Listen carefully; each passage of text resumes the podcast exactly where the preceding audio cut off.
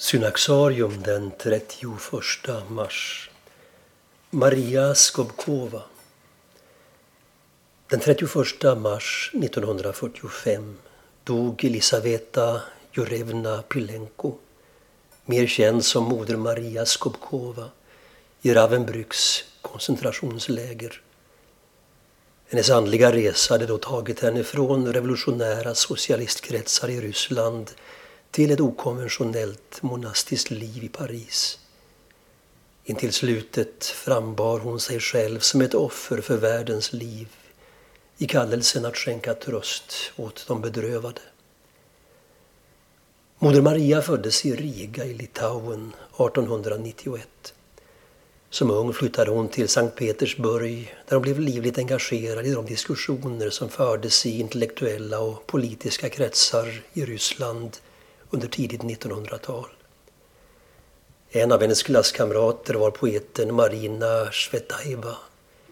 Och även Elisaveta hade stor kärlek till lyriken. I sitt sökande och sin kamp för social rättvisa anslöt hon sig till de första revolutionärerna. År 1923 emigrerade Elisaveta till Paris tillsammans med sin andra man, en officer inom Vita armén. Här mötte hon de ledande personerna inom den ryska ortodoxa kyrkan i exil. En djupgående andlig kris ledde till att hon bad om skilsmässa och därtill fick den ortodoxa kyrkans tillåtelse. År 1932 gav hon sina monastiska löften i närvaro av metropoliten Evlogi som yttrade orden ditt kloster ska vara människohjärtats öken. I Paris lärde Maria Skobkova även känna Lev Gillet, alias munken från Östkyrkan.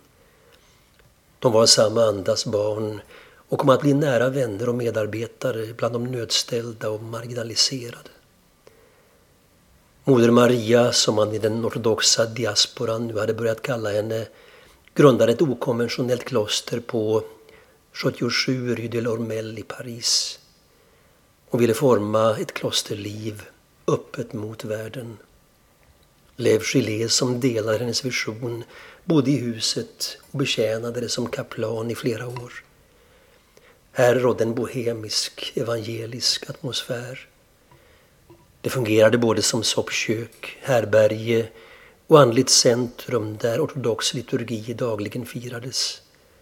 Man tog emot fattiga och arbetslösa, vilsna ryska immigranter för detta kriminella och unga prostituerade flickor på samma gång som det var en mötesplats för konstnärer, filosofer och andliga sökare.